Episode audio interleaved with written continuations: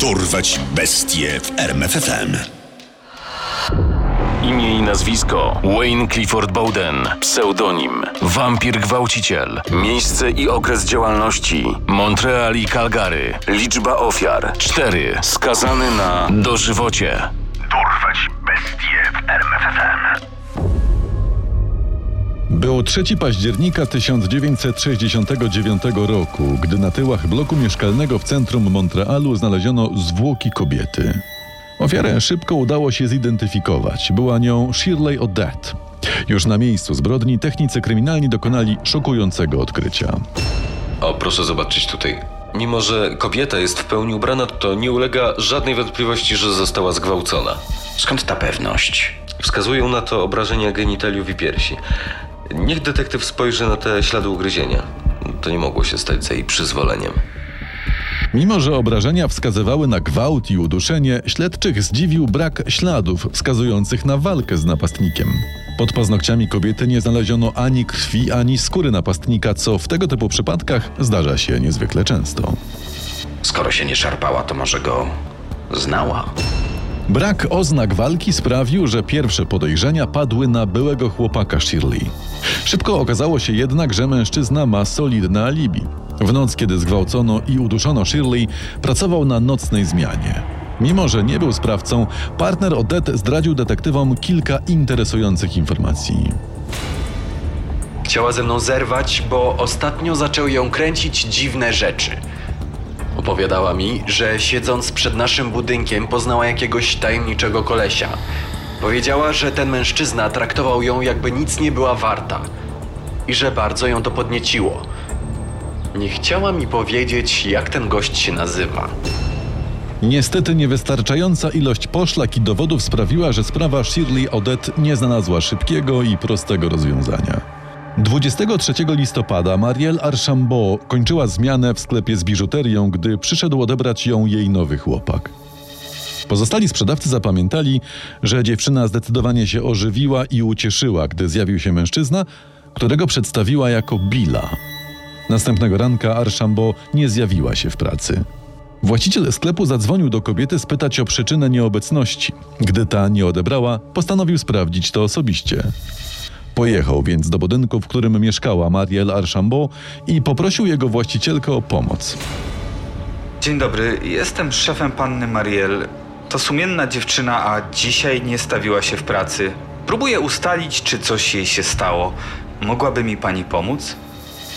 Kobieta wynajmująca mieszkanie Marielle zgodziła się otworzyć drzwi do mieszkania swojej lokatorki i sprawdzić, czy wszystko z nią w porządku. Gdy szef i właścicielka mieszkania weszli do środka, ujrzeli szokujący widok. Martwe, w pełni ubrane ciało Marielle leżało na kanapie. Wynajmująca bez chwili zwłoki pobiegła do swojego mieszkania i zawiadomiła policję. Detektywie, nie mam pewności, ale wydaje mi się, że to ten sam sprawca, który zgwałcił i zabił Shirley Odette. Tak, też tak myślę. Podobnie jak tamta ofiara, ta też jest w pełni ubrana. Ale ślady gwałtu są ewidentne. Rozdarty stanik, pończochy i te ślady ugryzień na piersiach. W mieszkaniu Mariela Archambault policja znalazła jeszcze jedną wskazówkę. Pomiętą fotografię mężczyzny. Pan był szefem tej dziewczyny, tak? T tak, To pan spojrzy na to zdjęcie i powie mi, czy rozpoznaje tego mężczyznę. to, to chyba Bill, nowy chłopak Mariel. A Bill ma jakieś nazwisko? Nie wiem, nie znam. Przedstawiła go tylko z imienia Bill. Zdjęcie niejakiego Billa przekształcono w portret pamięciowy i opublikowano w gazetach. Nie przedstawiało ono jednak żadnego znanego policji przestępcy seksualnego. Po kilku dniach od publikacji zdjęcia w gazetach na posterunek zadzwonił człowiek podający się za członka rodziny Marielle. Oszaleliście tam w tej policji? Przecież ten rysunek to nie jest żaden Bill. To wypisz, wymaluj świętej pamięci ojciec Mariel. Nawet znam zdjęcie, na podstawie którego to narysowaliście. I tak oto główny ślad mający doprowadzić do niebezpiecznego sprawcy dwóch gwałtów i morderstw nagle stał się ślepym zaułkiem. 17 stycznia 1970 roku Brian Cofield przyjechał do mieszkania swojej 24-letniej dziewczyny Jane Way. Para była umówiona na randkę. Jednak gdy Cofield zapukał do drzwi, Way nie otworzyła mu. Kilkadziesiąt minut później Caulfield wrócił pod drzwi Jane, które tym razem były otwarte. Chłopak wszedł do środka i zobaczył nagie ciało swojej ukochanej. Przerażony bezzwłocznie wezwał policję. No cóż, no nie ulega wątpliwości, że ofiarę uduszono, tak jak poprzednie dwie kobiety, ale nie ma śladów na piersiach i tym razem sprawca pozostawił nagie ciało. Ta zbrodnia może nie być powiązana. A moje przeczucie mówi, że jest dokładnie odwrotnie. To znaczy? To ten sam zwyrodnialec.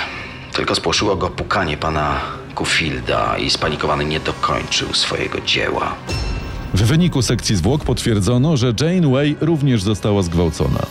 Co więcej, znaleziono także początkowo niewidoczne ślady świadczące o tym, że stawiała opór napastnikowi.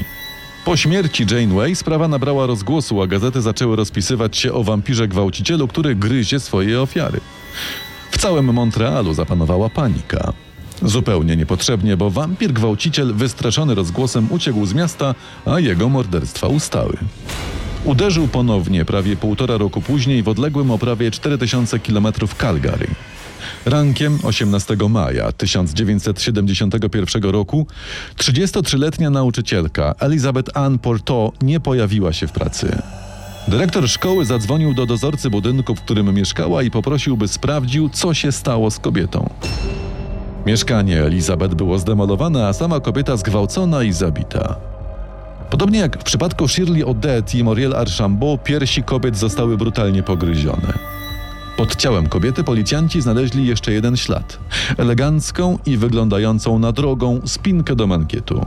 Podczas przesłuchań innych nauczycielek policjanci natrafili na obiecujący trop. Widziałam ją wczoraj. Siedziała z jakimś kolesiem w takim wypasionym niebieskim Mercedesie. Stali na światłach.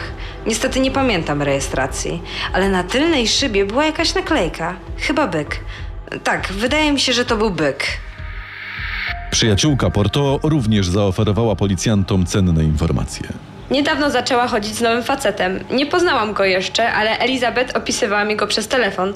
Nazywa się Bill, strzyże się krótko i podobno świetnie się ubiera. Dzień później, 19 stycznia, załoga radiowozu zauważyła Mercedesa pasującego do opisu świadków, zaparkowanego w pobliżu miejsca zbrodni. Jego właścicielem był Wayne Clifford Boden, były model. Mężczyzna został aresztowany, gdy tylko zbliżył się do auta. Podczas przesłuchania Boden wydawał się współpracować i otwarcie mówił o swoim związku z Porto. Tak, to prawda. Umawiałem się z Elizabeth i widzieliśmy się w noc morderstwa. A poznaje pan to? Tak, to moja spinka do mankietu. Musiała mi spaść, gdy odprowadzałem lis na górę. Ale zapewniam was, gdy wychodziłem, miała się dobrze, wręcz doskonale. Jeszcze jedno. Po akcencie poznaję, że nie jest pan tutejszy. Skąd pan do nas przyjechał? Nie wiem, co to ma wspólnego z Elizabeth, ale, ale przeprowadziłem się do Calgary z Montrealu. Jakoś tak w zeszłym roku chyba. Detektywowi prowadzącemu sprawę czas i miejsce, skąd przeprowadził się Boden, szybko skojarzyły się z głośną sprawą wampira gwałciciela. Poprosił więc policję z Montrealu o szybkie przesłanie akt tamtych spraw. Wśród materiałów dowodowych znalazł zdjęcie mężczyzny znalezione w mieszkaniu Marielle Archambault. Co prawda notatka przy zdjęciu twierdziła, że to jednak ojciec tamtej ofiary, ale zdjęcie z całą pewnością przedstawiało mężczyznę, który siedział w areszcie w Calgary, Wayna Bodena. Fotografia i samochód nie były jednak wystarczającymi dowodami, by skazać Bodena. Policjanci zainteresowali się więc śladami zębów na piersiach Elizabeth Porto. Skontaktowali się z ortodontą Gordonem Słonem, który jednak nie miał zadowalającej policjantów odpowiedzi. Stwierdził, że nigdy czegoś takiego nie robił. W Kanadzie na początku lat 70. faktycznie nikt nie zajmował się identyfikacją na podstawie śladów zębów. Słon bardzo chciał pomóc policji, więc w akcie desperacji napisał list do FBI z prośbą o nakierowanie go na właściwą literaturę lub na właściwych ekspertów. Na list prostego ortodonty z Calgary odpisał sam kontrowersyjny dyrektor FBI J. Edgar Hoover. Szanowny panie Słon, otrzymałem pański list i muszę pana poinformować, że również u nas jest to dziedzina raczej w powijakach. Niech pan jednak nie rozpacza, bo tak się składa, że los skrzyżował moje drogi z doskonałym ekspertem w tych sprawach. Gentleman ten pochodzi z Anglii i ma na koncie 20 czy 30 spraw, w których zidentyfikował sprawców na podstawie śladów ugryzień. Załączam jego dane kontaktowe i życzę powodzenia. Z poważaniem, dyrektor Federalnego Biura Śledczego J. Edgar Hoover. Dzięki poleceniu Hoovera Słon zdobył informacje, których potrzebował i stworzył odlew szczęki Bowdena, na podstawie którego zidentyfikował 29 punktów podobieństwa między szczęką Bowdena a śladami ugryzień na piersiach Elizabeth Porto. Dowody dostarczone przez Gordona Słono okazały się wystarczające, by skazać Wayne'a Bowdena w sprawie morderstwa Porto na dożywocie. Bowden stał się pierwszym w historii północnej Ameryki mordercą skazanym na podstawie dowodów odontologicznych. Po usłyszeniu wyroku w Calgary Wayne został przewieziony do Montrealu, gdzie przyznał się do wszystkich trzech morderstw przypisywanych wampirowi gwałcicielowi i został skazany na trzy kolejne dożywocia. W 1977 roku, po odsiedzeniu pięciu lat, Bodenowi przyznano kartę kredytową American Express. Karta ta była kluczowym elementem jego planu ucieczki. Podczas jednodniowej przepustki razem ze swoim kuratorem udał się do restauracji Contiki w jednym z hoteli w Montrealu. Panowie wspólnie zjedli obiad. Muszę pana na chwilę przeprosić. e, Pójdę tylko do łazienki. Zamknięty w toalecie, Boden uciekł przez okno, a korzystając z karty kredytowej opłacił swoją dalszą ucieczkę. Nie wyjechał co prawda z Montrealu, ale zaszył się w jednym z moteli. Kilka dni później policjanci aresztowali go w barze przy Mackay Street w centrum Montrealu. Strażnicy więzienni i kurator, którzy pilnowali go podczas przepustki, otrzymali reprymendę, a American Express rozpoczęło wewnętrzne śledztwo w celu sprawdzenia, jak morderca skazany na dożywocie otrzymał zgodę na kartę kredytową. Resztę swojego życia Wayne Clifford Boden spędził w celi. Zmarł 27 marca 2006 roku po trwającej 6 tygodni walce z rakiem skóry w Kingston General Hospital. Poznaj sekrety największych zbrodniarzy świata. Dorwać bestie w RMFFM.